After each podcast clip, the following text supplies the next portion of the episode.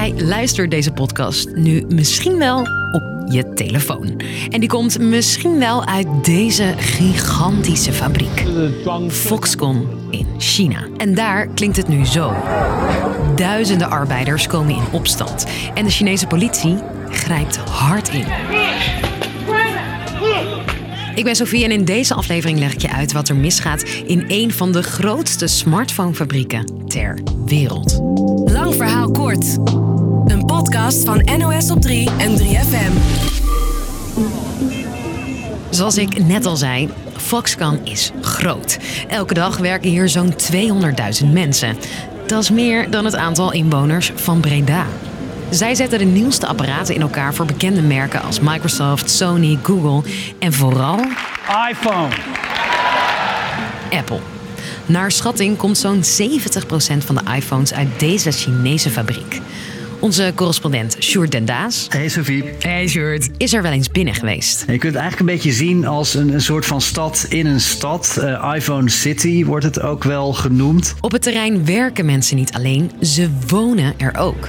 In het midden van het gebied staan grote grijze fabriekshallen. En daaromheen uh, heb je dan ook een, een, een soort van stadje, hè, complexen waar die arbeiders wonen. Je hebt daar heel veel restaurants zitten. Je hebt daar ook nou ja, entertainment, uh, karaoke, barretjes bijvoorbeeld. Alles bij elkaar is iPhone City meer dan 800 voetbalvelden groot. Nou ja, als je eromheen loopt, en dat hebben we gedaan, eigenlijk de medaille voor de avondvierdaagse wel verdiend hebt. Het is echt enorm. Als hier iets misgaat, heeft het impact op veel mensen. En mis, dat gaat het dus deze week.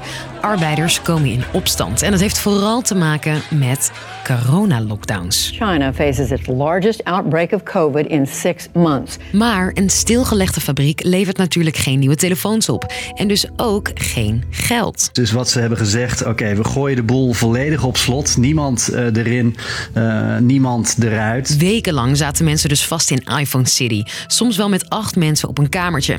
Wie niet ziek is, kan op die manier gewoon aan het werk. Maar even van het terrein af, vergeet het maar. Dus mensen zijn daar gefrustreerd. Een hoop hebben er ook geprobeerd om uh, zich uit te breken, om naar huis te gaan. Het bedrijf beloofde een geldbonus om het goed te maken. Maar daar hebben de werknemers nog geen cent van gezien. En de afgelopen 24 uur is dat uit de hand gelopen. In die zin dat de politie op een gegeven moment met traangas uh, op ze ging inspuiten. Ze zijn met geweld uh, op die mensen in gaan slaan. Het is niet de eerste keer dat het over deze fabriek gaat. In de afgelopen tien jaar kwamen er al veel vaker problemen bij Foxconn aan het licht. Grote misstanden in de Chinese fabrieken waar de iPhones en iPads worden gemaakt.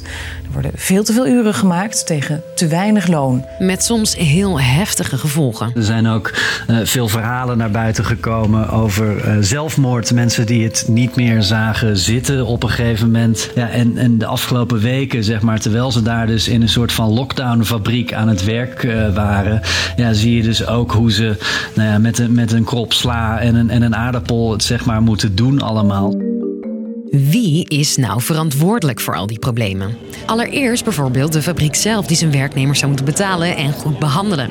Maar de merken die hun producten daar laten maken, The best iPhones we've ever done. spelen daar ook een rol in. Apple is natuurlijk ook verantwoordelijk daarvoor, maar ja, heeft daar tot nu toe in elk geval nog niks uh, over gezegd. In dit specifieke geval in elk geval. Hey, en Sjoerd, welke telefoon heb jij eigenlijk? Ik heb een tijdje een, een Huawei-telefoon gehad. Ik heb ook een, een tijdje een Xiaomi-telefoon gehad, maar uit veiligheidsoverwegingen inmiddels wel een iPhone. Dus daar bel ik je nu mee. Tja, en daarover gesproken, je maakt als consument natuurlijk ook een keuze. Wil ik dat mijn telefoon wordt gemaakt uh, door iemand uh, die daar in lockdown uh, met z'n achter op een kamertje zonder voldoende eten en zonder toegang tot een ziekenhuis bijvoorbeeld, dat die mijn iPhone maakt? Wil ik die kopen? Dat is natuurlijk wel een vraag die je kan stellen, ja. Maar ja, je opties zijn beperkt. De meeste andere telefoons worden ook op dit soort plekken gemaakt.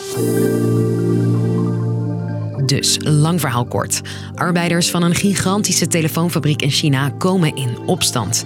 Voor de zoveelste keer zijn de werknemers boos omdat zij onder slechte omstandigheden de smartphones die jij en ik in onze zak hebben in elkaar moeten zetten. Maar wie nou precies verantwoordelijk is en of er iets gaat veranderen, dat blijft de vraag.